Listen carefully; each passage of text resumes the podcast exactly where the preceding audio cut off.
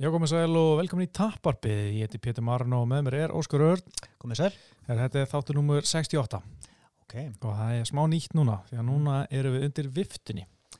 ok, ég finn engan blástur á mér. Nei, hei, það er sko viftan er örinni, sko, er miðstöð, miðstöð umræðinar. Mm, Það er örinni svona hlaðvarps eh, miðstöð fyrir íþrótta og afþreyinga þætti ok, og undir viftunni eru þetta Tapparpið og svo líka Dótturfútból með Hjórar Haflega. já, Þekkir það eitthvað? Nei, Nei, þú fylgist náttúrulega ekkert með fútból, þú veist Ég- ekkert. bara í slagsmálanum, sko. Já. Það er þannig.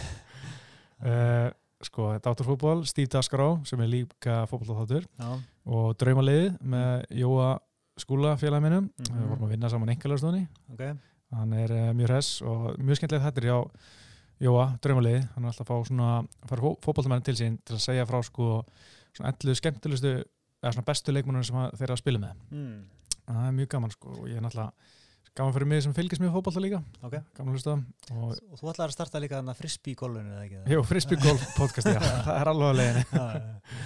Já, og hérna uh, þannig að það er bara, bara góðu tíma framöndan og, Ok. og þú veist, það verður kannski, kannski kemur nýtt intro hérna einn, einn daginn og Mhm. svo kannski verður með svona ég með, alltaf verður með einn uh, nýjan snúning sem kannski kyn, kynni betur til leiks þegar nættir yfir Grínhotnið.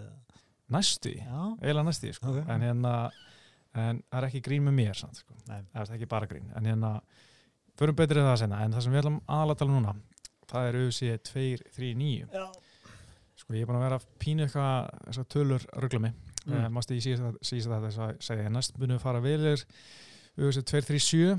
Mástu Já. ég held alltaf að þetta kart sé 237 en þetta er 239. mhm, Uh, já, það er þetta John Jones og Mata Tíu Santos í aðalbarta kvöldsins já, og Amanda Nunes gegn Holly Holm í næstíðasta bardaðanum sem er um bandhægtatitlin Jorge Marcel gegn Ben Askren, Luke Rockhold gegn Jan Blackovics og Diego Sanchez gegn Michael Chiesa. já, fullt meinkart, sko. Já, fullt af fínu prílinn svona Mhm. en mainkarti er mjög gott og í uh, Francis Ngannou og hún og Santos átt að vera hana það hefði verið, fokk, hvað hefði verið styrla mainkart Vá. sko, það hefði verið ómikið eiginlega.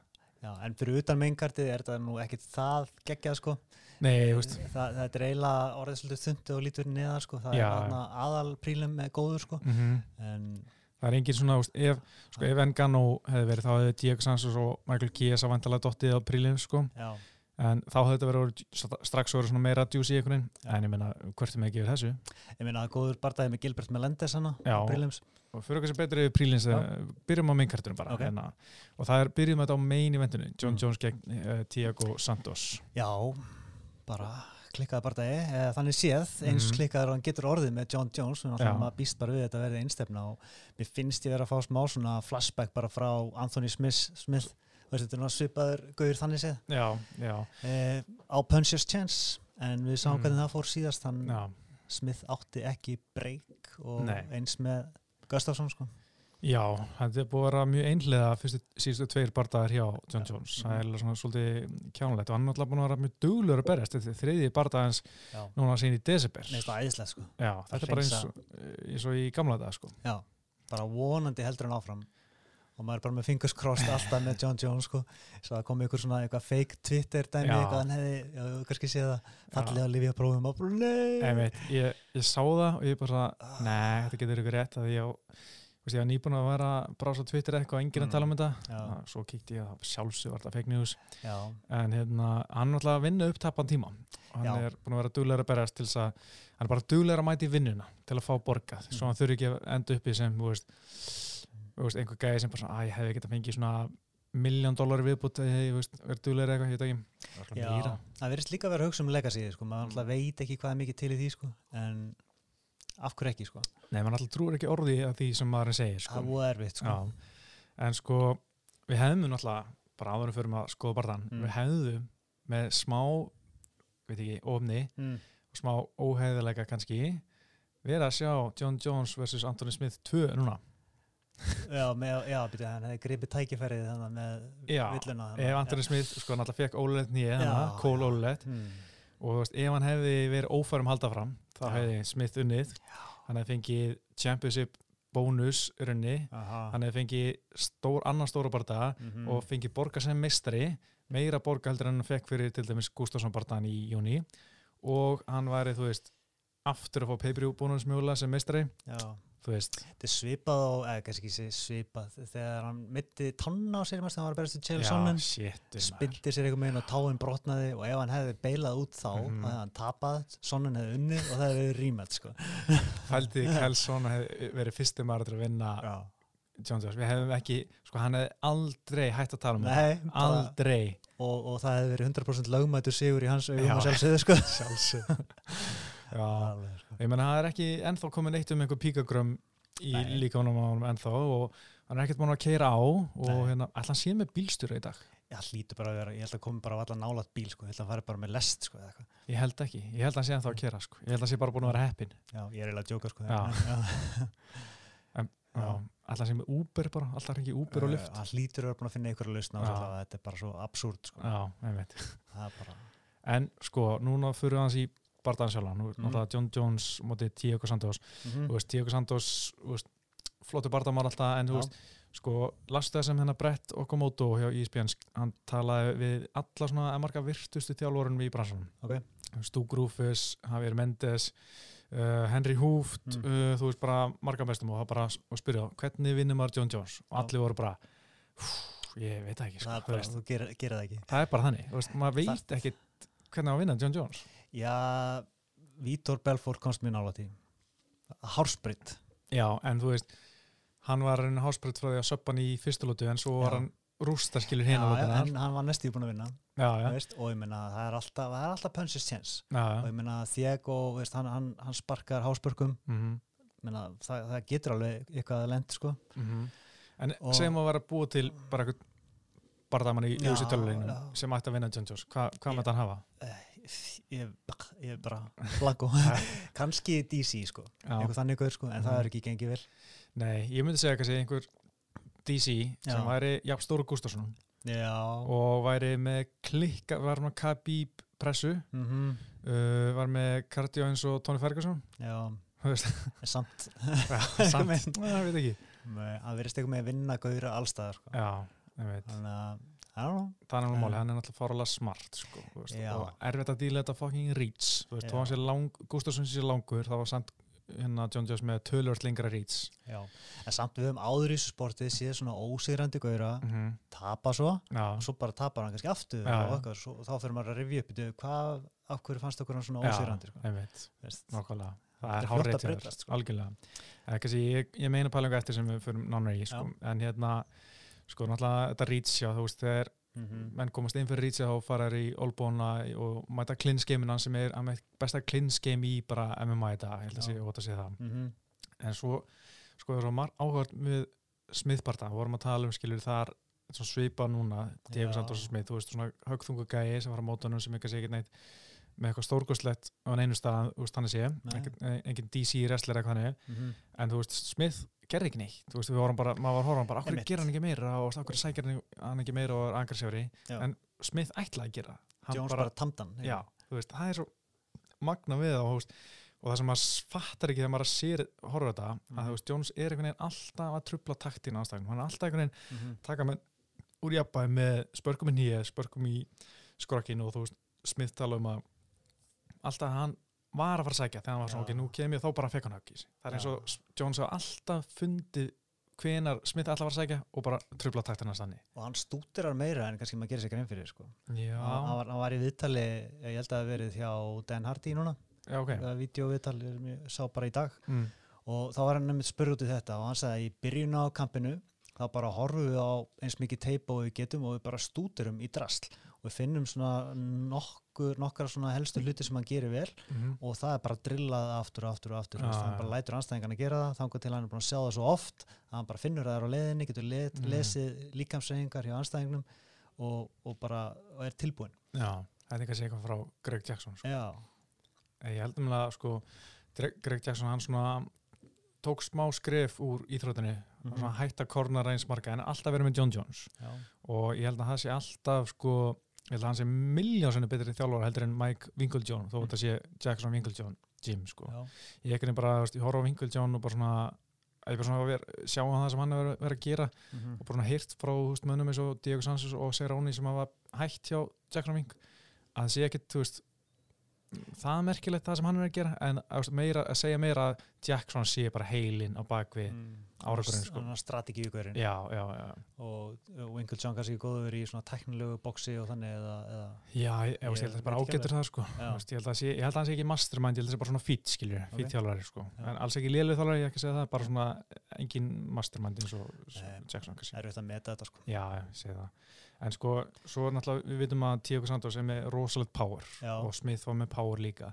En Jones segir bara, snýst ekki um að vera með power. Nei. Það snýst bara um að vera nóg smart til þess að fá ekki högg í sig mm og vera nóg smart til þess að hitta þegar hinn er ekki hitta. Já, nákvæmlega en ég, ég horfði á síðustu tvo bardaða með Santos Mm -hmm. því þú örgulega gert það líka og bara tveir mjög ólíki bardaðar það var þetta Manúa bardaginn, þar sem Mhm. hann var bara gessamlega vildur Já. og bara heimekers og, var með eitthvað svona furðulega fljúandi spörk og eitthvað, tók miklar áættur og svo hann að Jan Blackwoods þar sem hann var rólegur, kalkuleraður og bara einhver meginn beið eftir tækifæri, Já, bara allt annar bardaðamæður já, þannig, að, þú veist, hvernig eru að fara að fá? Líklega þann Mhm. gaur, sko já, ég myndi frekar vilja sjá Manuvagaðin. Já, hann er áverglega meiri sen, sko Já, ég hann held bara, að segir bara fuck it, er Já. svona rótan í fyrstu lótu mm -hmm. og ok, ef það virkar ekki þá bara er ég búin að tapa það Algjörlega, þú veist, sko, ef þú ert að fara móti John Jones, og Daniel Cormier sagði þetta sem er mjög sniðið, að þú veist, ef þú ert að fara móti John Jones, ekki hugsa um hvað Jones ætlar að gera, Nei. hugsa bara það sem þú ætlar að gera, Mhm. verður bara þú sjálfur, þú veist, eins og þessi, eins klísulegta hljómar, að bara gera það sem þú ætlar að gera og það er það sem ég vil, vil sjá Santos gera, bara svipa á móti Manua, bara eftir fyrstu 30 sekundur bara henda öll í hann, bara henda einhverju og vera bara að vaða í hann óhrættur við það sem hann ætlar að, hann, Jones ætlar að gera, bara henda bara öllu Já. nema þú veist eldursvaskinum í hann, í hann og sjá hvað gerist. Bara svona eins og Sehut og Óði títið til að sjá. Bara einhvern veginn, ítt já, honum bara og bara, ah, bara Óði hann sko. Bara, þú veist, sko, þú veist uh, maður har aldrei séðan eitthvað svona það vesenni Nei. standandi, skiljur, nema alls ekki. Gustafsson náði kannski, þú veist, hann náði blóðgan Mhm. en hann har aldrei verið vangar Nei, veist, hann betur. er með góð hugu og þú veist, mér langar bara að sjá Santos bara bomba í skrokkinu og bara vaði í hann, en ég veit alveg hvað gerist að það gerist, John Jones bara tekur hann niður. Já, einmitt. En þú veist, Eh, ma maður vil samt bara sjá hvað gerist. sko. já, hann verður að reyna. Þannig að og þú veist, að mun að gera það, er Já, þú veist, mér finnst mjög erfitt að, að, að einhver sé með punches chance gegn John Jones. Mér finnst það alltaf að vera til. Veist, að við, við höfum séðan fara á móti þessum högþungu gæðum eins og Mhm. Anton Smith, Rampage, Shogun, Ljóðum að síta, ólíki gæjar sem eru með ólíka stíla og Mhm. það er bara, þeir koma valla höggja á. ég, ég held að eigi eiginlega enga möguleika sko en, en vonandi verður þetta eitthvað spennandi sko Já, sko, ég bara vona Tiago frjósi ekki. Já, Bara hann, ég vona hann bara, ég væri bara mjög sátturinni mhm, ef Tiago Santos bara veður í hann og gerir bara eitthvað og er samt bara söpbar í fyrsta lóti þú veist, já. Frekar heldur en að myndi tapa því decision eins og Smith bara eftir fimm lótur og eitthvað OSP, þetta er svona Já, en, já, en, en neitt sko, þannig sko. Og hann er búin að vinna hansi ofta á decision er ekki Jó, Jones? hann er umlega sko ég tippa, ef hann tippa ofta, oftar að decision hjá hann sko. Já. En ég tippa reyndar að söpba á móti Smith sko, hann var á tímabili mjög flottur að klára gauðra sko. mm Mhm. klára hann að Ryan Bader, Lyoto Machida já, hverja fleiri sko bara fyrir er þetta hann náttúrulega decision á móti Smith Mm. Tiki var Gustafsson í þrjulótu já. svo náttúrulega rótar hann Kormir en það er no contest þannig já, ok, en það var geggja það var rótök ekki að það var klikka sko. En svo þar undan er decision á móti OSP, decision á móti Kormir, mm, decision á móti Glóti já, decision á móti Gustafsson, alltaf í geggjum bara þetta, svo Kallssonin sigurinn hennar. já. Já, já. Það var svona nokkur tekur, já, decision á móti Rasset Evans hann inn á milli, mm, þú veist, það er svona, kom smá decision á tímar bil 2013, 14, 15. buffaði sjókan Já. við vorum að sína í búrunni aðan, sko, Mm. já, vorum að taka búrið aðan, Ok. við varum sínd í kvöld, fimmtagskvöld, uh, mjög skemmtilega þáttur, þó ég segi sjálf frá, Ok. en hérna, en þá vorum við að sína það, sko, það var svo mikið bítan, sko, já, það átti ekki breyk sko. nei, þú veist, voru líka að rifja upp, sko, því að vorum Diego Sanchez er að berjast, vorum að rifja upp eitthvað svona þegar BG Penn barði Diego Sanchez, mm, það er auðvitað mesta bítan sem sé í tilbarta og svo John Jones og Shogun, sko, þú veist, bara meistarinn, sko, Shogun að slátra, sko. tekinni sundur Já, en svo náttúrulega meistarinn BG Penn að verja belti gegn Diego Sanchez og ég held að tölfræðan hefur verið eitthvað sko BG Penn var með 107 högg Mm. og Diego Sanchez 8 yfir 5 lótur sko veist, það er bara vákað mikið bítan en já, sko þetta er náttúrulega sko, eina sem sko, gefur manni pínu von mm. fyrir hann að fyrir Tíok Santos er að Jones kom eitthvað svona kærlösin mm þú veist, að hann sé einhver svona væri kærði í honum. Þú veist, hann er náttúrulega sko búin að bera svona þrísvar á mm, bara sjö mánuðum, eitthvað svo leiðis uh, og hann svona tala um líka þú veist, hann sagði að hann væri til að vera aðeins stressar að hann er orðin svona vanur sig, að, að svo stuttum milli, hann er svona mm. hann, hann líður svo vel að hann er svona meir svona comfortable. Að hvað kemur inn og bara svona allt og slagur og bara boom head kick frá Tíok Santos. Ég hef ekki trúið sko og Dan Hardy spurði hann aðeins að þessu Mhm. og hann sagði ég er stressaður þú veist, hann kannski sé ekki að sína það mikið þá, þú veist, hann virðist þér að taka þetta alvarlega og segist þér að fókusaður algjörlega á Santos þannig að ok. ég, ég trúi því alveg sko Já, en sko hann auðvitað, auðvitað er hann með, þú veist, brjála sjálfstress sko. já, já, en já, en ég bara hann, hann hérna, John Jones sagði við brett okkar mót og ég spíðan viðtal í síðustu ykkur bara það sem hann og væri bara, ég vildi ég væri aðeins meira stressaður. Þannig að ég veit ekki hvort það breytist kannski að komin inn í fætvik sko, þá kannski það getur verið. Já, að, töðunar byrja að koma. Já, já, að ég sko náttúrulega anstæðingar hans eru alltaf að fara inn í stærsta þú veist, Mhm. Anton Smith var að gera það og núna Tíoki Santos Mhm. og þú veist, það getur verið gott, gott að slæm náttúrulega fyrsta leik gott upp á þeir undirbúið sig bara eins og er að lífið að leysa. Já, og bara besti undirbúningur allar tíma á að vera þannig og bara allt á að vera perfect og setja allt í kampi bara til að gera þetta eins gott á að geta mm en svo líka kannski meiri aðtegli, meiri fjölmjöla skildur, meiri pressa, já. þú veist þannig að það getur kannski svona skæri ljósin skína skærar, Mhm. það sem það ekki já svona eru bjartari og þú veist og þá geta sumið kannski bóknað undan því á meðan aðri rís upp skilur Já. sumir nefnilega rísa sko mm -hmm. og þeir eru hættulegir og Mhm. kannski vitum ekki alveg hvar Santos er menna, hvað hva hans stærsti bardaði hinga til sko. Veist, það, það er, hann hefur ekkert verið það stórum, hann hefur verið ykkur um main events en það er alltaf svona eitthvað fight night Já, í Tjekklandi síðast sko, það sé bara, einmitt, það er bara svona típist og þessi. Brasli eitthvað Jú, maður Erik Andis, minni já, með, veist, en þetta- þetta ekkert þetta er allt annað ballgame sko. veist, þetta er John Jones, pay-per-view, Mhm. International Fight Week og hann veit að þetta er sennilega eini möguleikin hans mm. líklega, Mm. I don't know Já, en sko ég var meina pælingu í búruna Mm. og þetta er kannski sama með væri gerðana longshot, að því að þú sko veist, ég var svona að skoða, veist, hvenar hvernig hafa dominant champs tapað þú veist, fyrir utan Dimitris Johnson þá hefur þetta verið svona síðustu ár að dominant champs eru bara knock the fuck out. Já, Jonathan Daysack móti Rósnáma Jonas já, já. veist, hún var 14-0 fyrir veist, það var fyrsta tapar hún var bara steinróti í fyrsta lóti mm þú veist, Hósi Aldó unnið átjabardaröð ekki tapað í 10 ár, Conor Rotan á 12 sekundum á sí já, Ronda Rási, þú veist, hún var var búin að vinna 12 bardaröð Hóli Holm Rotan í annar lóti Mm. uh, Chris Weidmann, Mhm. móti Andersson Silva Andersson Silva var búin að vinna 17 bardaröð 16 í UFC, Chris Weidmann steinrótaðan, þú veist, Mhm. auðvitað Andersson með trúslætu alltaf en, en samt Roddök uh, Cyborg hefði unni 20 barðaröð Mhm. steinrótuð á móti Amanda Núnes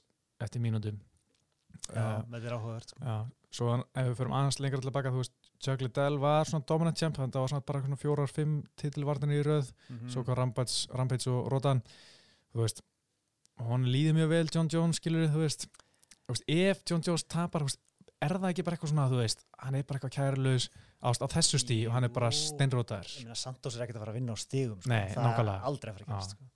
og hann er ekki að fara að söpa hann þú veist, hann, hann já, það er bókstæðlega eini möguleikin sko.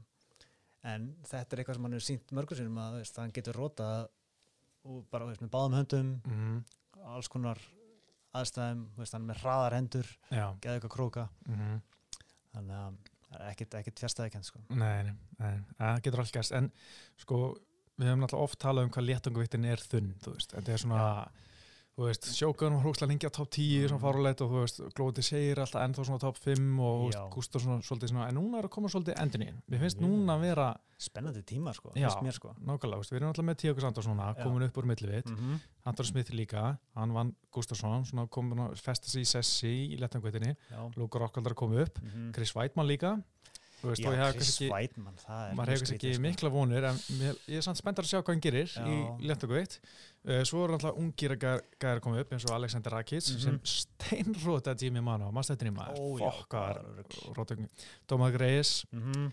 og hérna Johnny, Johnny Walker, Walker. Já, veist, þetta eru þrýr ungir og svona nokkri gamlir eða svona eldri að koma upp úr Mhm. millivikt, þannig að það er alveg svona að vera shuffling around minnst það frábært Já. náttúrulega sögulega er þetta flottur þingtaflokkur sko. Já, ég man þegar ég var að byrja að fylgjast með UFC veist, þá var svona eh, MMA, ég hef svona heyrt nöfni eins og Shogun og Rampage, Vandali Silva og svona, og svo fór ég að tjekka bara, herri, þau eru allir í saman flokki, wow, þetta er hella flokkur, þú veist. bara Randy og Tito Já, og, Chuck Liddell, það er- það bara endalist sko. Já, mér varst það veist, Þetta var líka, þú veist, og- og svo geðvitt, sko, þetta voru svona, veist, þau voru með heavy power, Mhm. en samt, þú veist, aðeins betri íþróttum en heldur en, þú veist, Já. þessi feitu, skiljur, þú veist. dag er þeir ennþá betri í runni þú Já, veist. já, nákvæmlega. En John Jones bara búin að vera aðeins og góður undan varna ár. já verða hlutir leiðilegir þegar það er svona Já. já, það er bara, þú veist, sko, það er það sem gerir mann svona minn, minna spenta fyrir þessu heldur en Já. bara, þú veist, öðrum barndam á kartinu er mann svo nokkuð við sem að John Jones vinnur. Það er bara heimskulegt að tippa ekki á John Jones. Já. Bara ef maður tekur alla breytið með, Mhm. það er bara, þú veist, það er ekkert sem segir manni að John Jones eigi ekki vinna þetta. hver eru líkurnar í veðbankunum? Ég, Er er, það bara tíu mót einum eða eitthvað? eða? ég held að það sé svona fimm, þú veist, ég held að það sé bara svona, sko, ég er bara að tjekka á hérna best fight odds, ég elska þessi ef það er fimm, þú veist, þá er bara smart money að setja miljón kall á hann og er 8 miljón kall já, já. Ég veit, ég myndi ekki setja miljón kall ég myndi setja veist, tvö skall sem ég kannski aldrei sjá aftur. Já, Mm. svona það, já, stuðlinni er sko, by the way, sko, læstur 4,8 hjá eitthvað sports int, hæstur er hann að fara upp í 6,5 ok. Hann er svona milli 4,8 og 6,5 mm. ég menna, það er, ég menna, tvö skall sem vilt ekki sjá aftur, okkur ekki henda á Santos. Já, já. og ég menna, úst, örgulega Tíoko Santos með rótekki, það er ennþá herri stuðla því, skilur mér finnst það samt eins og að veðja á Jessica I hennum daginn á móti Valentínu Já, sko. veit það. mér finnst þetta samt sko, að veist, sko, Jessica var ekki eins með chance það, sko. Við erum allan með kraft til að róta aðvísu, aðvísu að mótirinn sko. hún var aðeins meiri séns Já, en það var stöðlinn hann hvað tíu á hennan Jessica Steve Beatdown var það Já, það var það var bara svona sem bara svona uh, bara svindl sko. mér fannst það bara falleg síning á Já. Valentínu sko. þú hattar hann ekki nei, en hver er svona þín uh, official spá? Uh, Jones og Stigum Já, ok bara, þú veist ég, ég, ég, kemur ekki óvart að hann tækja niður í annar eða þriðji og kláraði með söppi eða eitthvað mm -hmm. en bara með hvað, hvað hann er búin að fara oft til sísonu undarfærið þá held ég að það sé nokkuð líklegt sko. Já, ég ætla að segja að Thiago Santos komi inn með bílaðan kraft og verði eins og sko komi inn bara með bombur og allt Já. nema að skiptir ykkur máli, John Jones tekur hann bara niður grándi pándarinn í drasli fyrstu lótu Mm. og í annar lótu er það bara búin að söppa hann sko. Ok. ég, sko, þetta er smá óskikja Já, en ég gaman. gæti alveg trúa ég bara að þetta væri eins og móti Anthony Smith, mm. þess að Thiago Santos bara kemst ekki takt og e, lætur ekki veist, næri ekki að taka í gekkin Mhm. eins og hann er vanur að gera og hérna John Jones tekur þetta bara eftir dómar okkur en ég er Já. svona vonast eftir að þetta veri freka bara eitthvað Mhm. að, að Santos veri bara bilaður og John Jones refsonu fyrir það Vilju fá smá drama sko. já, smá svona, ó, hann geti, geti hitt. Ég sko, veist, ég held einmitt það var svo mjög ávart að lesa hann að í spíðan grinna um hvað þjálfur hann að segja um hvernig maður vinnur John Jones. Eitt sem ég, maður ekki sem marga að gera er að veist, bara refsa hann með skrokkin John Jones, kýlaði skrokkin til að reyna að draga vindinu og þannig og þreytan sko Mhm. og setja upp brjálaslega hot pace bara strax. Ok. okay. þá hérna, og að geta varist fellanum samt. Mhm. þetta er svo marga breytur, þetta er ómögulegt sko. Svona alltaf, já, og þú veist, ef þú setur mjög hot pace strax og John Jones getur ekki tekið niður til að stjórna barndanum eða klinsaði, mm. að þá þarf John Jones að vera þú veist, svolítið svona aðeins að bakka og bakka undan pressunni undan, undan bílari pressu og þú veist að vera refsanum í skrokkin skilur, Mhm. það væri fallið til að sjá hann ég held að það sé ekki vera að gerast núna sko, hann er ekki nógu góð wrestler, hann Santos til að halda þessu sko, Nei Ég man nú ekki eftir að sé hann restla mikið bara svona yfir höfuð sko. nei, ég held að þau eru bara eitthvað sko Hvað belt, já hann er brúnt sko, jafnvel hvort hann sé svart sko, en, en þú veist, það skiptir einhver máli því að hann er ekki að fara að halda þessu standandi sko. Nei. Eitt sem Santos gerir vel sem að gæti hjálpa hann slatta er hann refsar oft framfætinum með lásbörgum Mm, já, já, það Með- er mjög góð pundur með alveg bara hröð og, og först spörk sko. Já. og ég menna þarf kannski bara 2-3 góð þannig til þess að Mhm. trubla Jones sko. það er mjög góð að ég voru með þetta að pæla í svoðan en að Áskibörgur kom þessu pælingu líka að hérna sjára hann að hann nei, hérna, að hann er með chicken legs veist, þetta eru granni leggir á hann sko. Að hérna, ef hann nær veist, að sparka einmitt á nokkru sinnum mm -hmm. En ég held samt bara, eins og segir, þeir eru með plan fyrir allt. Að ég held að John Jones kannski geti eitt spark og svo grípur hann bara næst og tekur hann Já, en þetta er náttúrulega hröðspörk þú Mhm. veist, en mér finnst bara einhvern veginn John Jones svo líklegur til þess að gera allt en, en þetta verður skemmtilegt ef, ef veist, þetta dregst á longin og við erum að sjá bara John Jones bara mjög haldra mm haldra mikið sko. Bara einhverja spennu, bara Já, please. með eitthvað. Já, Já, bara, á, það var ekki ekki. En ég minna að þú veist, kannski verður þetta bara allt í einu eins og mútið Gustafsson fyrir partæn Já. það sem bara, þú veist mjög óvænt verður bara Tíago Santos mun betri en heldum já. Það er náttúrulega- oft eitthvað svo leiðis gest Já. sko, maður bara vannmetur, gauðra algjörlega sko já, Já, ég las líka áhuga að greina á Athletic að hérna Tíago Santos var svo svona, hvað maður segja bjóst ekki við að hann myndi fara í titilbarta þegar hann kom fyrst í auðvitað, hann var svona frekar slappur já, svona algjör meðalmaður í Ultimate Fighter Brasil, hann mm hvað annar eða fyrstu, fyrstu séri þar sem hann var í veldivikt já, bara fínt að rifja það upp. Hann var Já. í veldivikt og svo Mhm. lengi í millivikt mm -hmm.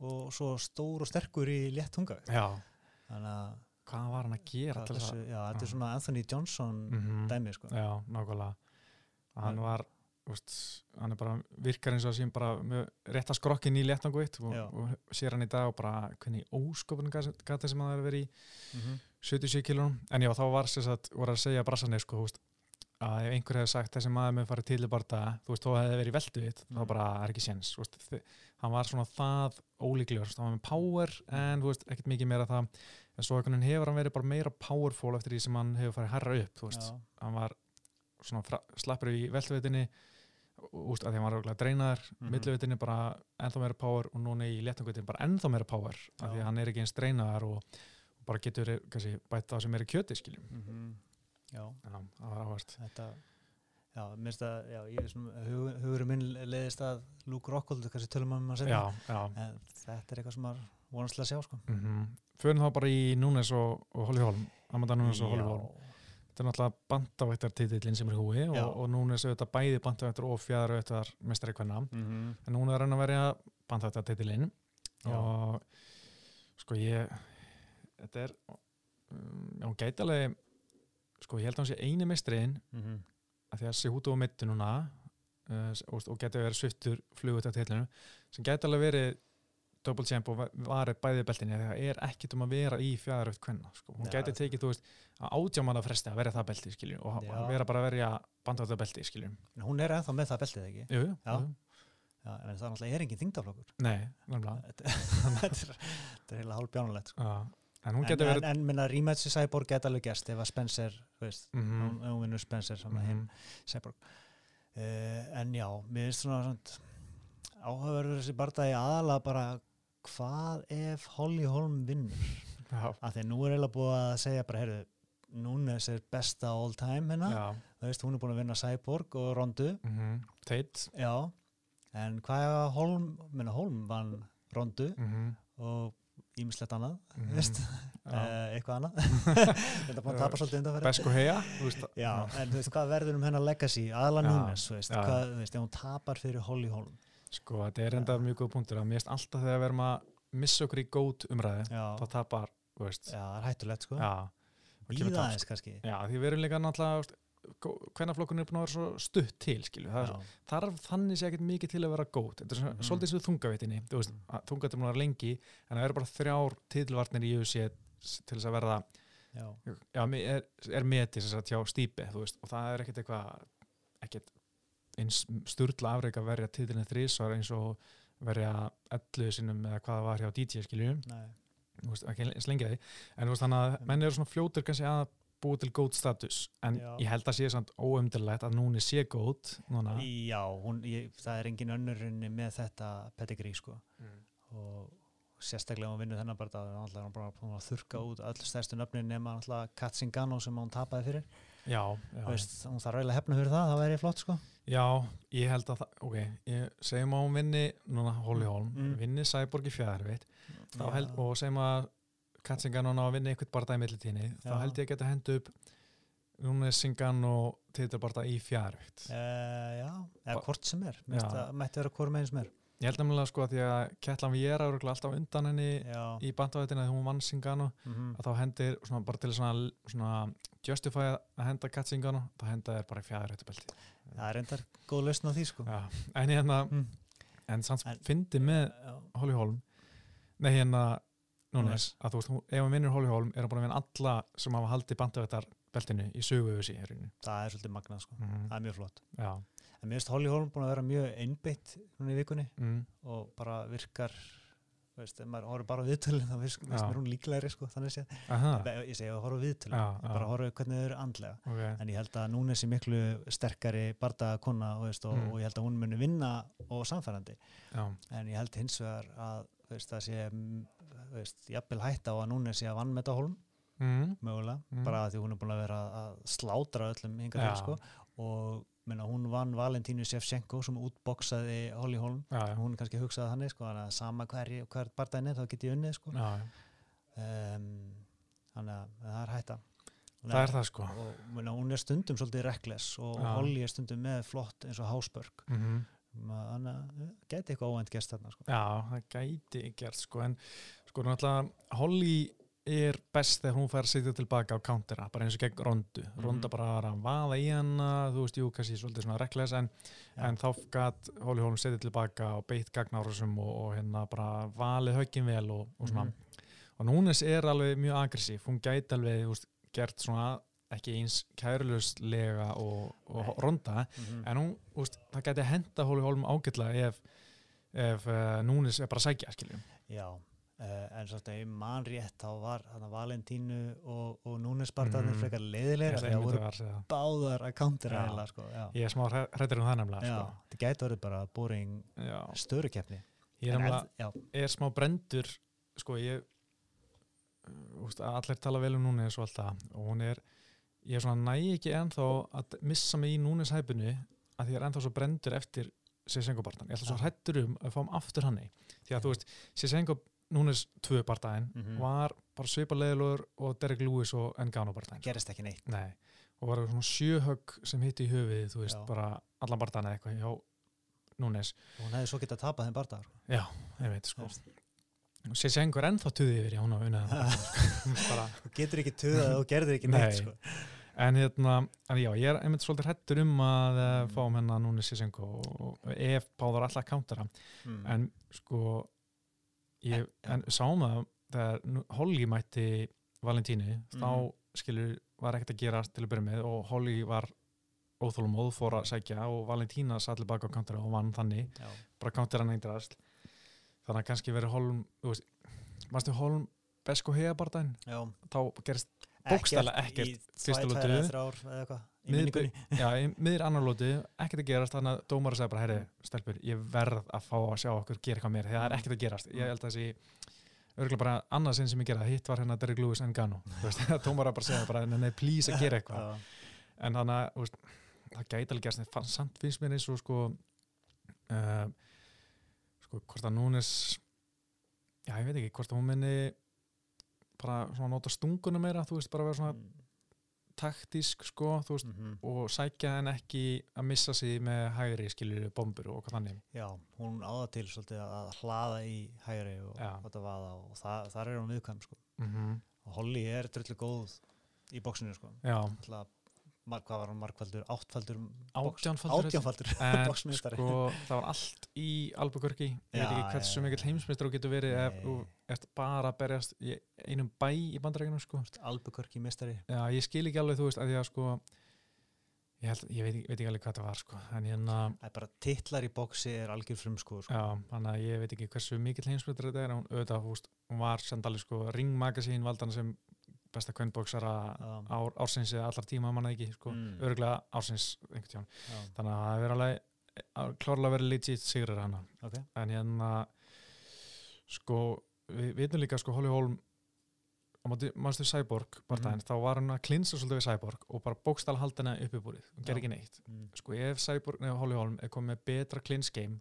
og getur refsa meira núnis í klinsunni þá er til að sjá það, því að við höfum alveg séð það gegnum tíðina Mm. að núnis hatar klinsið en Já. finnst ekki gaman að vera í klinsunni því að það tekur miklu orku og þú veist, hún hefur svona verið smá skeptisk fyrir löngum barndöfum, þó Mhm. hún hafi vissulega lagað það en hún hefur reynda svolítið að vera að stjórna þeim barndöfum þannig að ok, það sem ég er að reyna að segja er að uh, Núnes hefur í vandra með þólið þegar hún er ekki að stjórna barndöfum mm Mhm. yfir nokkra lótir en hún, hinga til hún geta farið í fimmlótur gegn Pennington og svona það sem hún var að stjórna barðanum allan tíman og þá er hún að ráða ferðinni og næra að stjórna önduninu betur og því.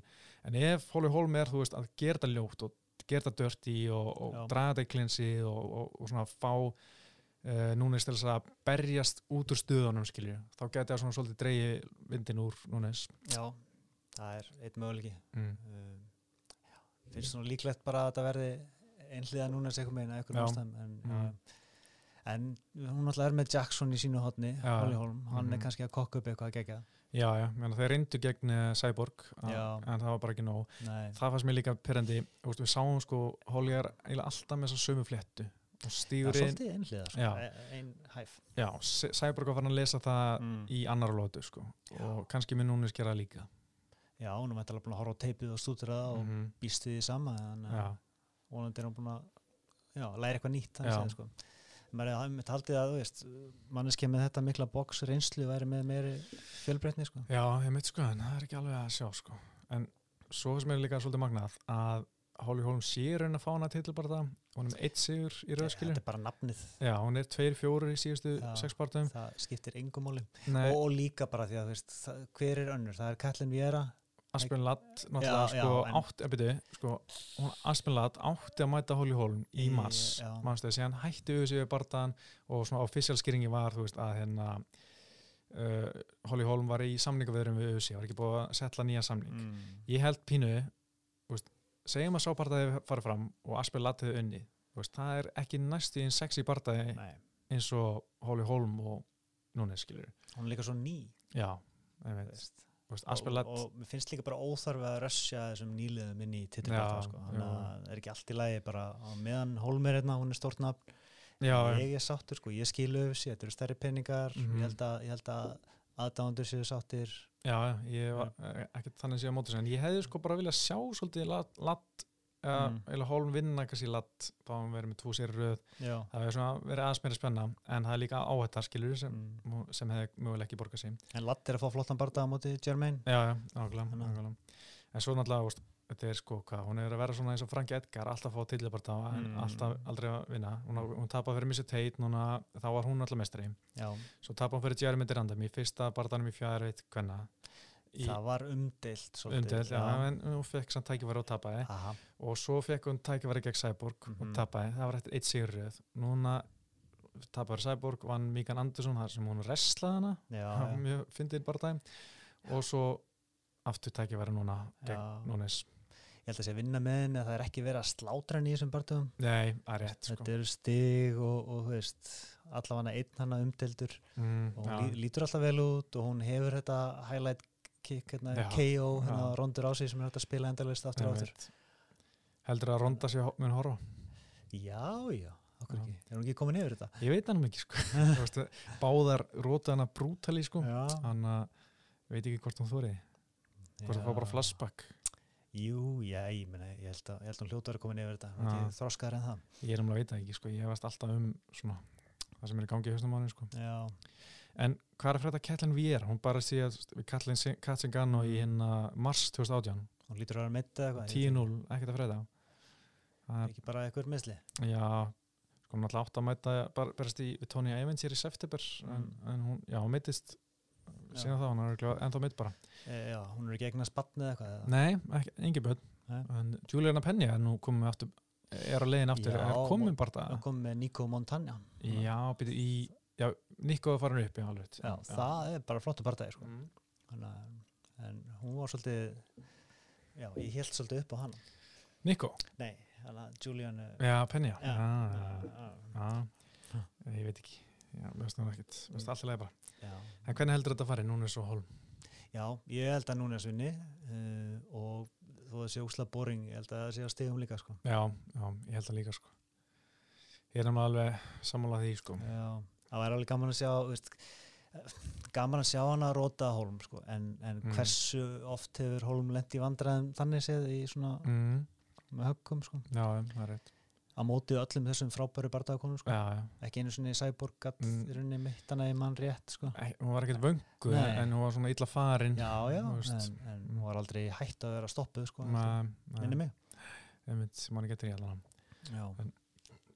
Það er ekki, en þá næsti Askren og Horki Massadal Já, um, mjög áhugavert, ég er Mhm. nokkuð spenntur fyrir þessu. Um, alveg potensial til að vera liðlegu bara líka, þú veist, mm -hmm. ef, ef við fáum bara Ben Askren glímu kenslu, sko. Já, Og, en svona, já, við svona einu smá saman að fá svörin við þessum spurningum sem er búið að vera að spurja í mörg, mörg ár, þú veist, hversu góður er Ben Askren og ef hann kemst í gegnum þennan þá er hann jafnvel komin í titilbarda eða number one contenderbarda Mm -hmm.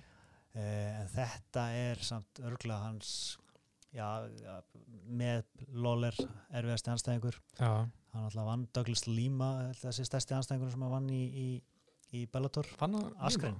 Já, mm, Vá, já, látt síðan. nokkuð sem það.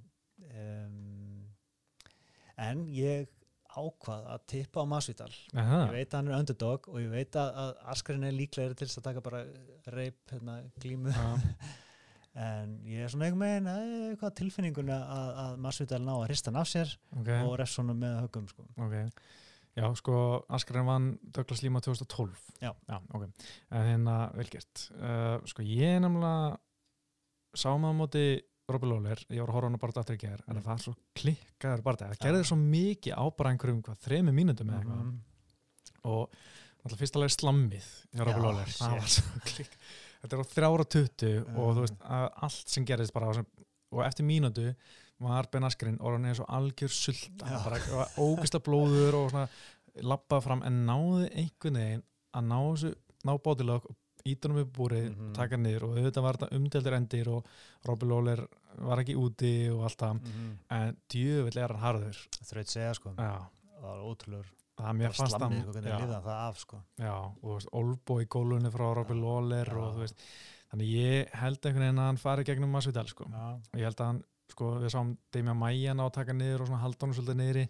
einmitt ég hugsaði þess um það sko. Mm, en annar stíl samt. Já, um, en ég held bara ef, sko, Ben Askren ná bara smá taki á Masvidal, þá er lótan bara búin. Ég er svolítið á því, sko.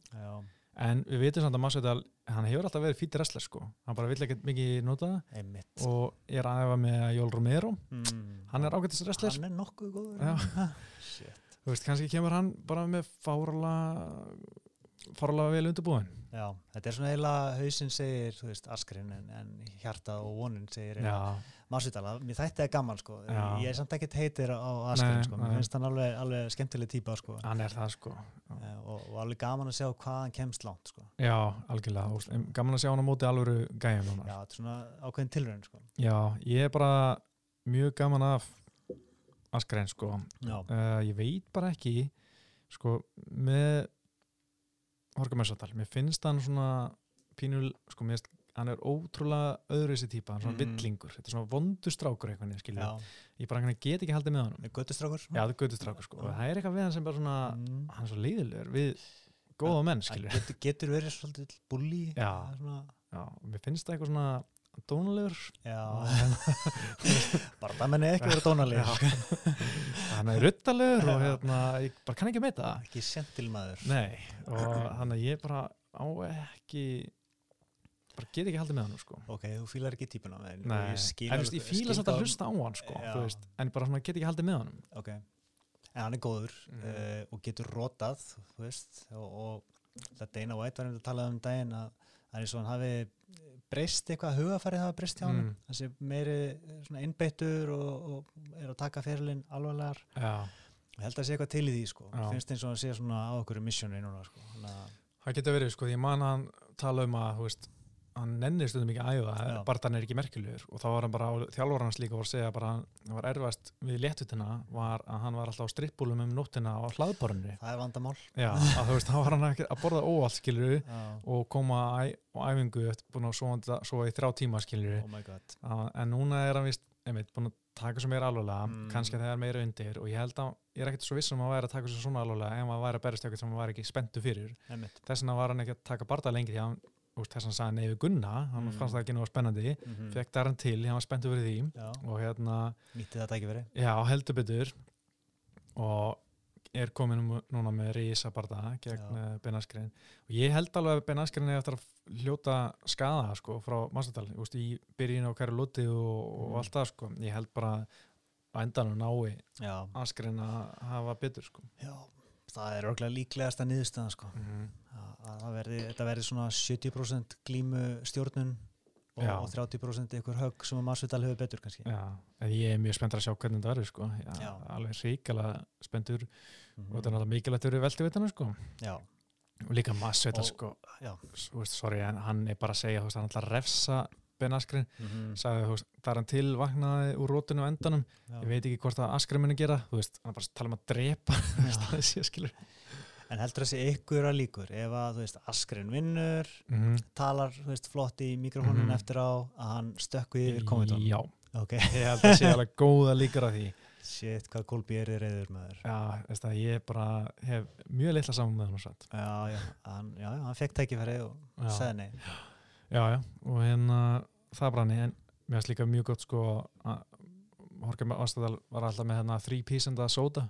Mm. Lían Edwards three piece and a soda þegar það voru hann að slást baksis hann eftir London. Já, en núna mun Askren fór fjölskyldu tilbúð með tvekki leitra gósi oh my god.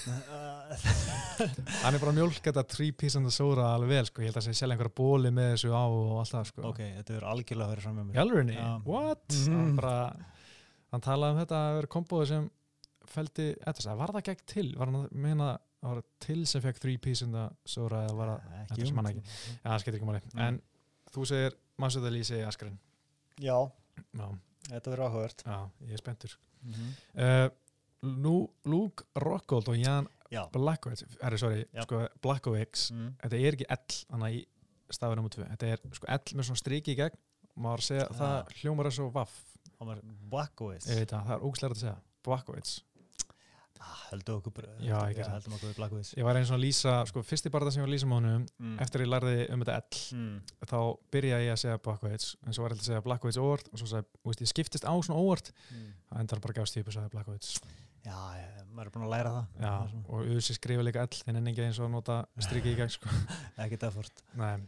en Já. þetta er spennandi barða, ég leti Eh, hvít Þetta er sko. já, bara hvernig mun Luke Rockhold líta út mm og mér langar að sjá bara líkamlega hvernig hann lítur út uh, veist, betur. Uh, maður er svona aðeins fengið að sjá hann í embedded og, svona, mm og virkar vel þykkur finnst mér. Ok, þannig að ég massaðar minna já, eins og sé búin að bæta á sig vöðum og það sagði viðtali við hérna, Dan Hardy að hann væri 220 núna. Ok, já, sem er ekkert svo klikkað sko, þannig er 205 nei, nei. en hann er þá búin að kötta niður í 220 eitthvað nú þegar sko. Mm, já, þannig að hann er bara heavyweight sko. já, hann var alltaf hel skorin í millivitinni sko, já, en sagði að kötti væri erfitt sko. já, hann var sann sko, hver var það var einhver, einhver hefveit gæði mm.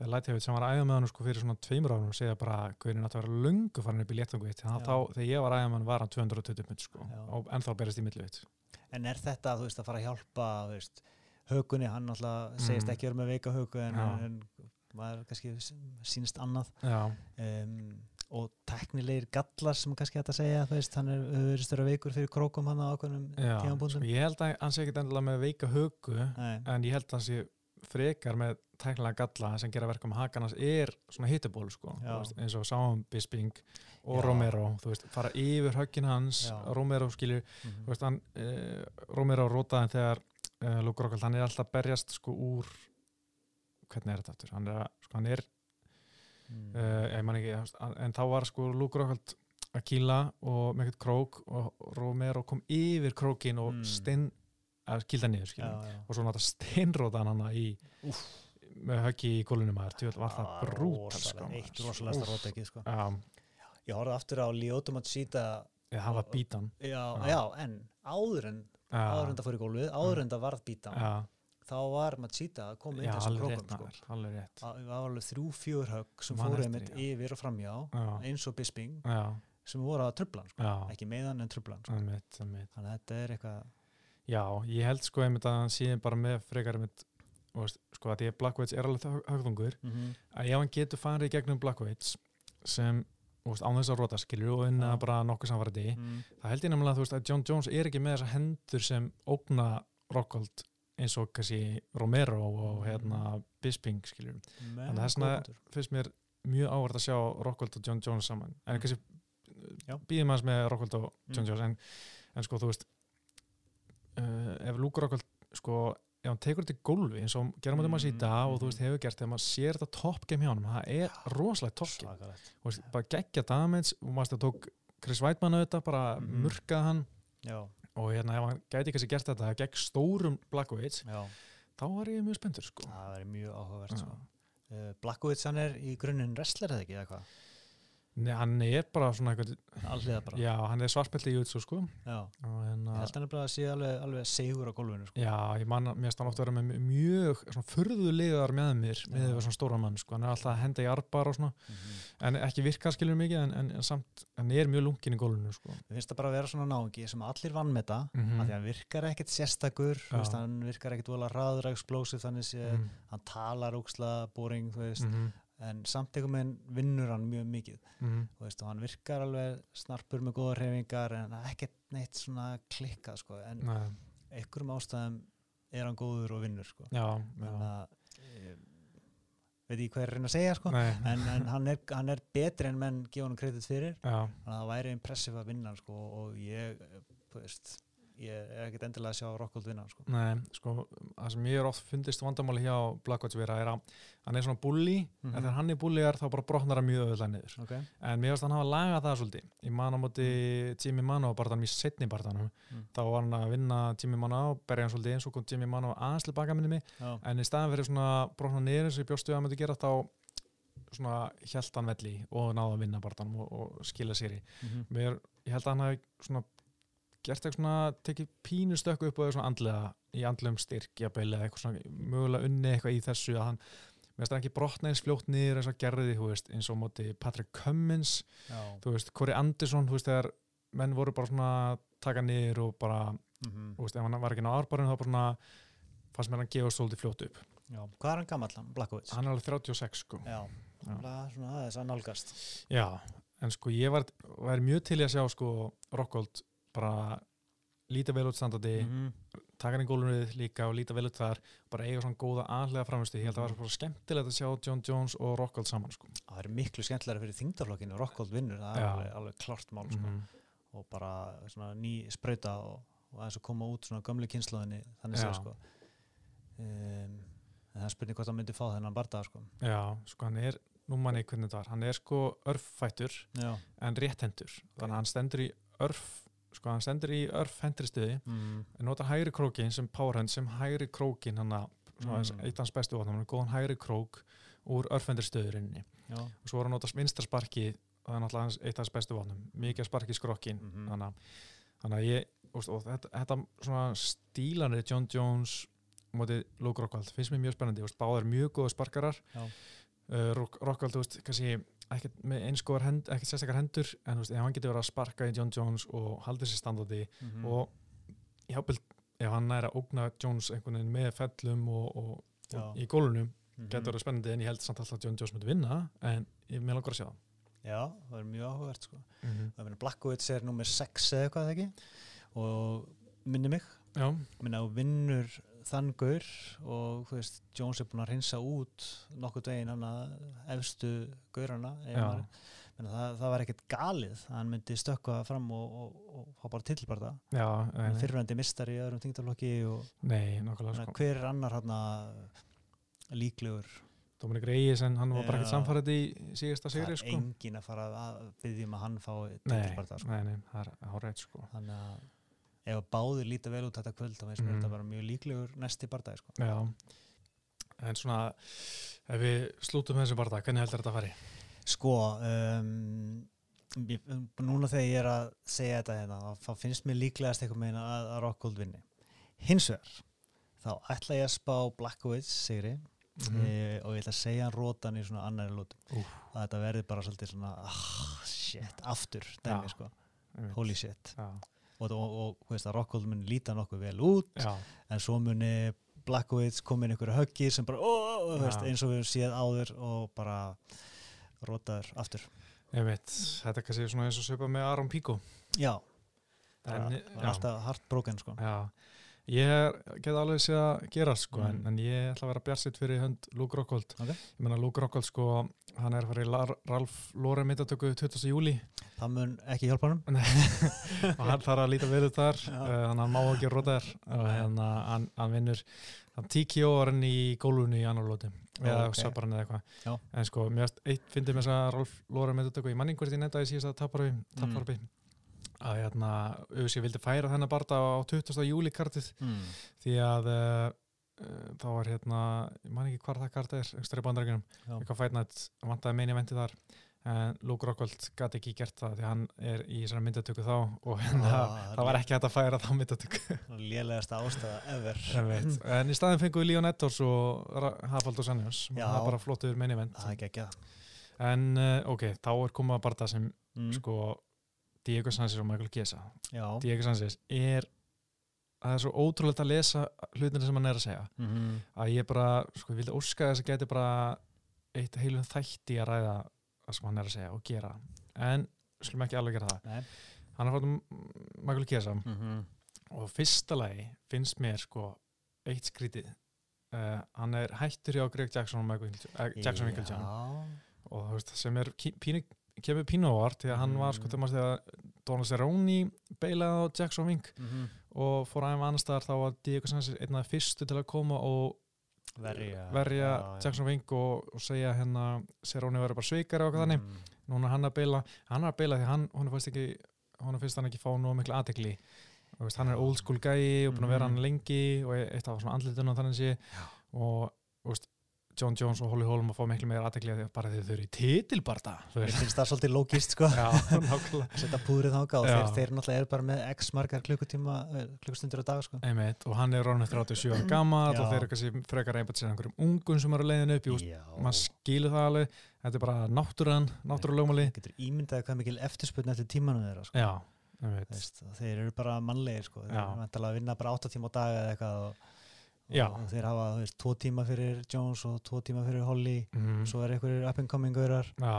Diego, sorry sko. En, ég, en hún finnst að vera svikins held ég sko. Já. en hann segir samt, þú veist, ekkert nema ást til þeirra en hún fannst vanta mér ást til sín sko þetta er hann ekki bara að fara í minna kampa sem hann er svona stærra númer? En veistu hvað hann er aðeins núna? uh, Nei, oh my god, þetta er einhver mesta veistla sem ég komið í þær við þegar ég fór að googla þetta. Sko hann hætti á Jackson Wink en hann var alltaf ekki á þar þegar hann var einhverju gimmi bara einhverju, bara eins og vorklasa eða eitthvað er einhverju hjóli þar, þar kemur einhver gæði til hans hei, má ég sína þér eitthvað mm. og auðvitað segir Diego Sansi, já, ég er 37 ára gammal, en ég er alltaf til að læra eitthvað nýtt Mm. fer og lærir eitthvað með þessu gæja og hann bara, wow, þú getur brotað mér höndin hérna, þetta er samt ekki arbar, hvað er þetta? og verður eitthvað mjög spendur What? og þetta er eitthvað gæji sem er, sem Diego segir, sé bara eitthvað Jedi Mind Master Oh my Ah. god og hann er núna að æfa hjá þessu gæja og hann er að berjast fyrir hönd School of Self-Awareness hann alltaf hefur alltaf verið klikkað sko. kannski fátt sem kemur hann óvart með hann sko. en ok en, En, en, já. meina hann er bara, hann er bara, þetta er bara hann Já, er bara hann en, en, sko, hann, Mm. þessi gæji er, sko, er ég þarf alveg að setja upp Instagram með hann og, og, með fréttinni sko, Ok. en ég þarf alveg að sína þér Instagram með mm. núna, að þetta er Já. sko gæji sem er veit ekki hvernig maður segja, þetta er svona hann er með sítt hár, hann er lítill uh, hann er svona mjög mikið einhvern veginn svona uh, hvað sem maður hann er Josh Fabia Mm. heldur þetta sé ekki legit eitthvað martial art eða hann er samt sko, res, var wrestler hann með, var svona í háskóla glíminni eitthvað Mm. en sko, ég veit ekki, hann er sko healer, skástrík, self-awareness expert mm. ég fæ svo mikið bara svona að þetta er eitthvað bullshit gæði bara að þú lýsir sjálfum þér svona einmitt, þá ertu fáið nákvæmlega og þú veist, og sérðu bara og skoða bara Instagram hans, þetta er bara, hann er bara í svona veist, hann er bara Ok. svona að hanga í einhverju klettum, hann er með svona já. hann er með man bun Oh og þú God. veist, já, þetta er bara svona hvað heitir hann aftur, Ito Portal já, look sem hann er með steik, þetta er svona, þetta er svona já, Já, þetta er svona, hann lítur út þessi bullshit artist. Það er bara, þið getur ímynd ykkur það og skoða Instagramið hans þegar þið komist í terfiða. Og hann er ekki með neitt annan, hann er bara, ég er bara með þennan að þjála mig og við munum tveir lappa að búrunu, einn maður lappar inn og er eitthvað gett peppar. Uh, Og þú veist, ég er náttúrulega ekki gengur örglega ekki alveg heitt til skóðar, hann er furðulegur og ég held að sé mjög auðvöld að planta með einhverju kjáftæði. já, Ég held að þessi gæði sé svo mikið að plata hann og ég er smá hrættur um að hann veri bara þú veist, allt sem hann gerir virkar ekki neitt sem hann er bara að æfa. Mm -hmm. þú veist, ég veit ekki, er hann að æfa með einhverjum öðrum? Veist, er hann að glíma einhverja gæja, fá einhverja lótur eða, þú veist, Það hljómar eins og eitthvað lélegt plott að einhverju Netflix grínmynd, þú veist. Já. Uh, ég veit ekki, sko. Það er mist Já. að erfitt, sko. En ég meina, þú veist það skiptir yngum máli. Sanchez er eiginlega, þú veist á, á loka metrónum Já, já. er í ferlinum En hans- þetta er svona, hann er samt að leiðin í titilinn hann er eldast í titilinn, hann sko. ætlar að vera mistari já, hann er að segja það, hann ætlar að vera velti var ekki, var ekki BJ Penn líka að segja það um daginn Jó, reyndar, já. En sko, hann er búin að vinna í tvo í röð. Já, já, reyndar, Já. hefur hann litið vel út undanfarið? Já, í síðustu tveimum barðum Já. og það var ekki með þessum Nei. þetta er fyrsti barðaðis núna við búlsýtgæðinum, sko. Þetta Mickey Gall? Og Craig White, sem hann ekki hátskrifaðar Nei, nei, en hann stútaði hann Já, en mér fannst mikið gól sigurinn bara svona byttu nú við mm. hvað er að frétta, en mikið gól var ævintýrlega lélur, sko. Ég bara trúði ekki hversu lélur mikið gól væri á móti Sanchez, já. Það var ótrúlegt sko. Meina, Var hann alltaf svona lilla? mm, nei, held ekki, en hann saði reyndar eftir að hann átt slæmt kött sko, hann hefði bara búin að því eftir fyrstu lótu sko, verið dreinaðar sko, ég kaupi það alveg einhver leiti, en þú veist, ég held samt að paces en Diego setur upp sé alveg svona frekar erfitt, hann er með alltaf verið góðu formi sko. Slæmt kött alltaf vera svona þetta, þessi go-to afsökun mm. ok, er örgulega legit í mörgum tilvíkum en, en að ég veit ekki, mér finnst það bara hljóma eins og, eins og eitthvað lélegt cop-out sko. Já, mér finnst líka sko svo gaman að hlusta á Diego Sanchez hvað hann skrítin eftir Já. hann síðasta parta þá var hann var svona skrömm baksviðs þar sem fjölumennum er í kringum og spyrja spurninga. Mm -hmm. nema held ángríns að hann hafði talað non-stop í 20 mínútur og ekki ein spurning komið. Og hann var bara rambling on um, um sko alveg frá bara einhverja anti-aging aðferð, hann er alltaf í þeim brans, hann er að pæla í Mm. anti-aging. Hann vil vera bara að lifa bara eins lengi hann getur og vil bara vera eins feskur hann getur. Mhm. alltaf pælingur í anti-aging, kannski er hann þess vegna ennþá ágætur 37 gammal, ég veit ekki. Já, og er, sko, hann vil hann að tala um að virkja kraftin í þrumuveðrunu hann fá kraftur úr þrumuveðrunu og ég dyrka hvað hann er skrítin sko, fígúra sko. já, þegar maður getur, ef maður les sko það sem hann er að segja, mm. veist, svona bara orð fyrir orð, Mm. það er maður bara vá, hvað þetta er, ég Já. elska hvað hann er fyrirlur Mér þætti þetta disturbing ef hann hefði verið eðlugur fyrst. Já, já, já, Veist, eins, og, eins og Ferguson og maður heyri eitthvað skrýtna fréttir. Mm en, en hann var fáranlegur frá bara season 1 hann í Ultimate Fighter. Já mitt og það var hvað, 2006 Já. já, þannig að þetta, þetta er ekki þessu þetta er bara, já, hann er bara crazy motherfucker hann er loco ég held að sé alveg ótt að segja það sko. En sko, hvað heldur að gerist náttúrulega Michael Kiesa er Já. góðu glímaðar hvernig heldur að gerist? Því ég held að Diego Sanz vilja glíma og ég held að Kiesa vilja glíma. Já, ég held að Kiesa sé sterkari Mhm. glímar, hann er yngri og ferskari og mm. með, veist, eh, stærri og lengri faðum og allt það sko. Þannig að ég, ég held að þetta verði áhugavert Mhm. en ég held að það sé mjög litla líkur á að Diego ná að manhandla Kiesa eins og, og Já, já, en sko það kemur ljós Kiesa er oft með stórar yfirlýsingar, hann segist Já. að vera eitt af bestu í heimi og hann Mm. vildi fá tilbarta í léttvitinni hann á sín tíma, ekki að Khabib og hvað Kötti var að gangi illa hann fyrir upp í veltvit og hann er alveg svona, segist að reyna bestu í heimi í veltvitinni ef hann tapar Já. þá er þetta bara stórslis fyrir Kiesa sko. hann á eiginlega bara mennhöndlan svolítið, sko. hann á bara mm og veist, 37 gammal Sanchez er ekki topp, nála þjár topp 15 barða, hann er alltaf topp 20 örgulega ekki topp 25 -hmm. að ef Kiesa er eins góður sem hann segist vera þá á hann bara eiginlega rúst honum sko. hann verður eiginlega að gera það sko Já. og þetta verður að vera mjög samfærandi og Mhm. helst, já, einhliða já, þannig að, mikil áhætta í runni sko. En samt, veist, Diego er sennilega ekki að fara rótan sko. Nei, nei, nei, nei, þannig að hver er áhættan í runni sko, minna, sko ég er nefnilega Diego Sanchez er ennþá góðu glímaður og ég get alveg séð hann fyrir mér vinna lótu, þú veist, ef hann er á niður og hann er með gott top game og já, þú veist, hann er svartbelti í utsu og er nú bara, hann er ekki svartbelti ég held að sko uh, ég held alveg að Kiesa geta nei, eigi fína sens í gólunni ef hann er toppstuðu. Mm en ég held bara, ef, sko, ef ég var að Kiesa bara að hann stjórni í fellinu svolítið sko og kannski refsi með olbúm og ég held að hann eigi að vera með geta haldið þessu standardi og vera með miklu betra stræking heldur en Diego Sanchez lengri. Hvernig var aftur þessi Kevin Lee bardagi á Kiesa? Uh, sko, ég bara sko, kemur ég bara að dróa niður í gólu í fyrstu Já. lótu og náttúrulega náðu að inn ekkert, ég man ekki mikið eftir barðan, ég man bara náttúrulega umdelda aðtekinu í Já, loki, já, já. en svona fram að því er bara spáði, þú veist hvort það sé auðvitað stjórnónu þannig sé sko, Mhm, hvort það sé, já, ég man hann vann hérna uh, Benil Darius. Já, það var óvænt, það komur óvart. Já, menna, það, það er legit svartbeltingur. Já. nákvæmlega. Mm, og það var svolítið flott sko.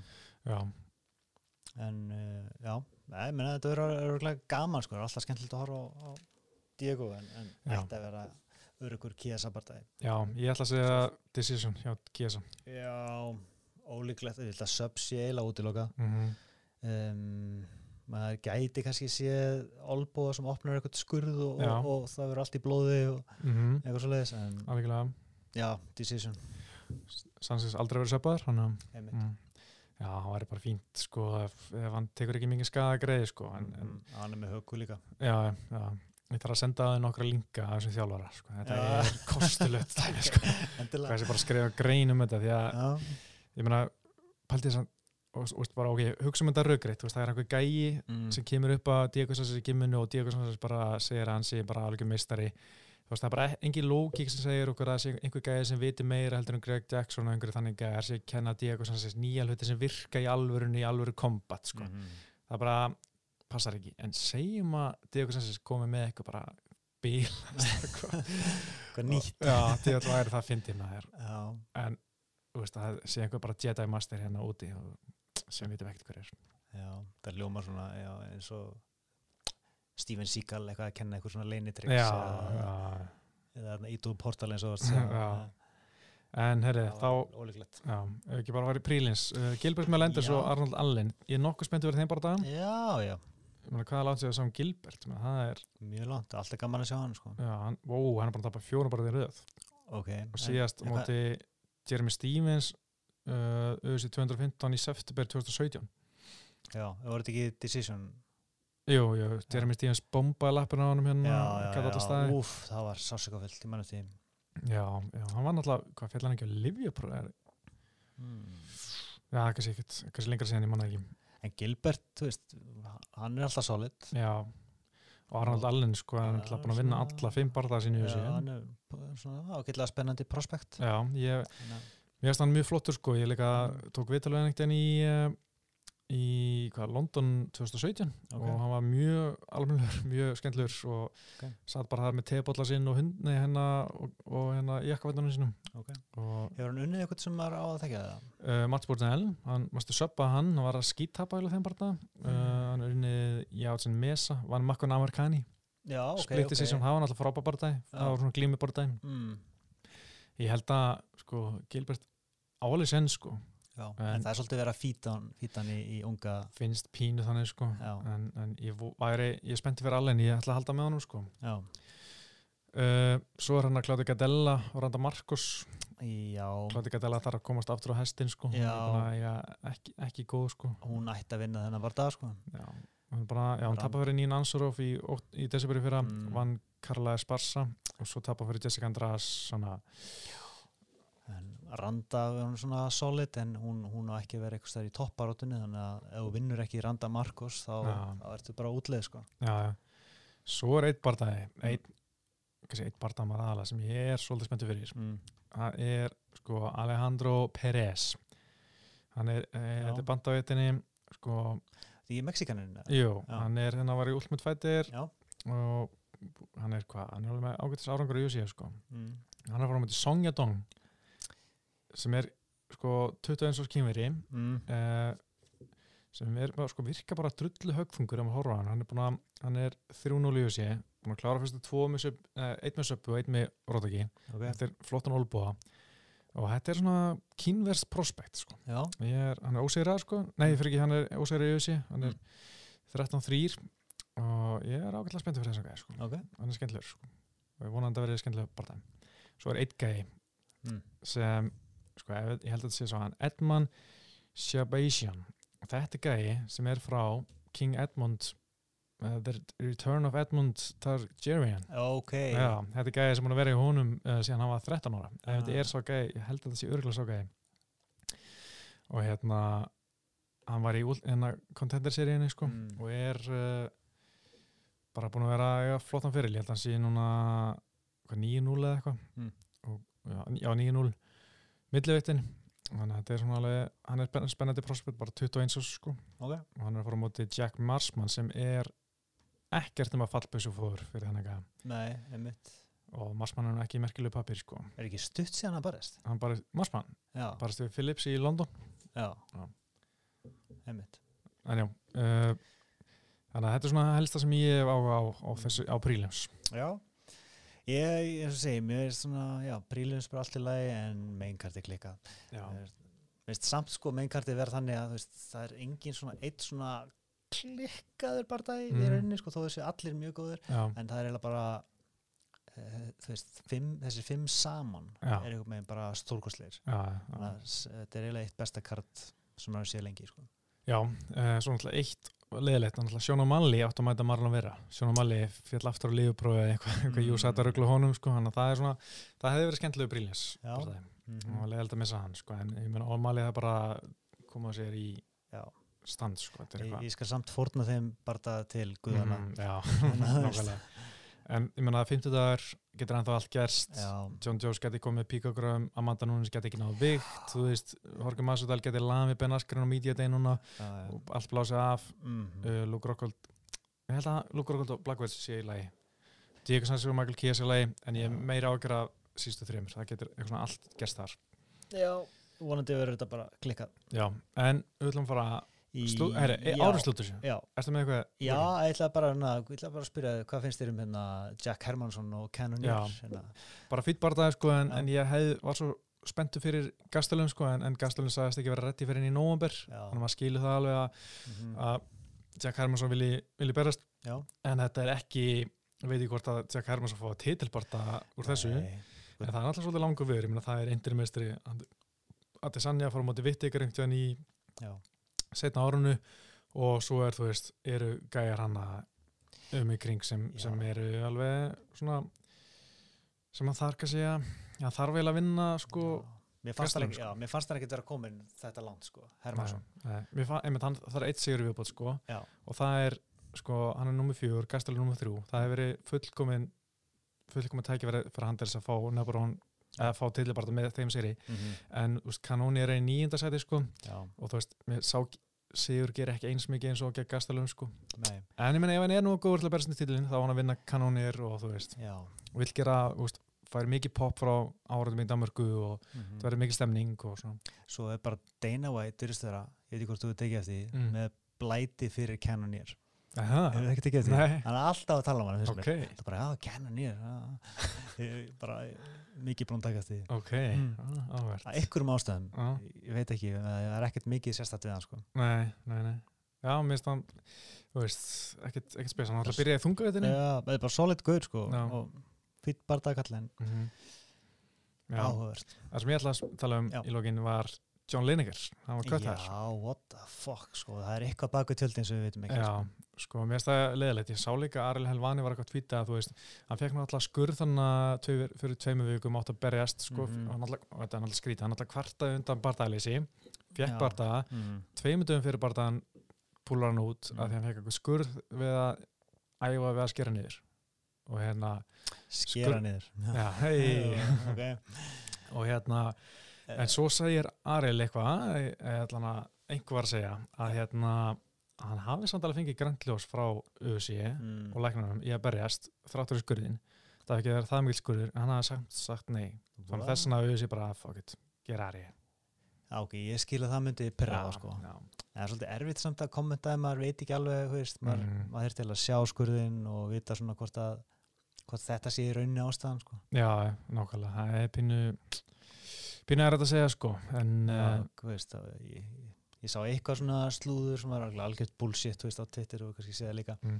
Eitthvað sagði að hann hefði skorið sér sjálfur að því hann var ekki að ná vikt, mm, sko. Ah, algjört. ok, wow Nei, en þú veist, ég segi, það getur verið eitthvað alls konar eitthvað í gangi sem maður veit ekki um, sko. Nei, Að- að maður kannski býður eftir að heyra alla sjóna. Já, já mitt, mitt, það aldrei veit nema að það gerist og það er engin frá uh, leiningarkampinu tala sko en þegar hann berst er hann svo geðið gaman sko. það er verið svona pínu eftir sjá veist, en hann á eftir að pluma sig vel hvar sem er sko en, en þannig er geggjaður þegar hann er í búrinu sko. Mér veist mjög leðilt að missa hann, sko. já. Að og þetta er svona solid guy á Fight Night sem gerir Já. Fight Night kvöldin betri þetta er góður gatekeeper mm sem að potentially, þú veist, gæti endaði tillibarða, sko, þannig séð, sko.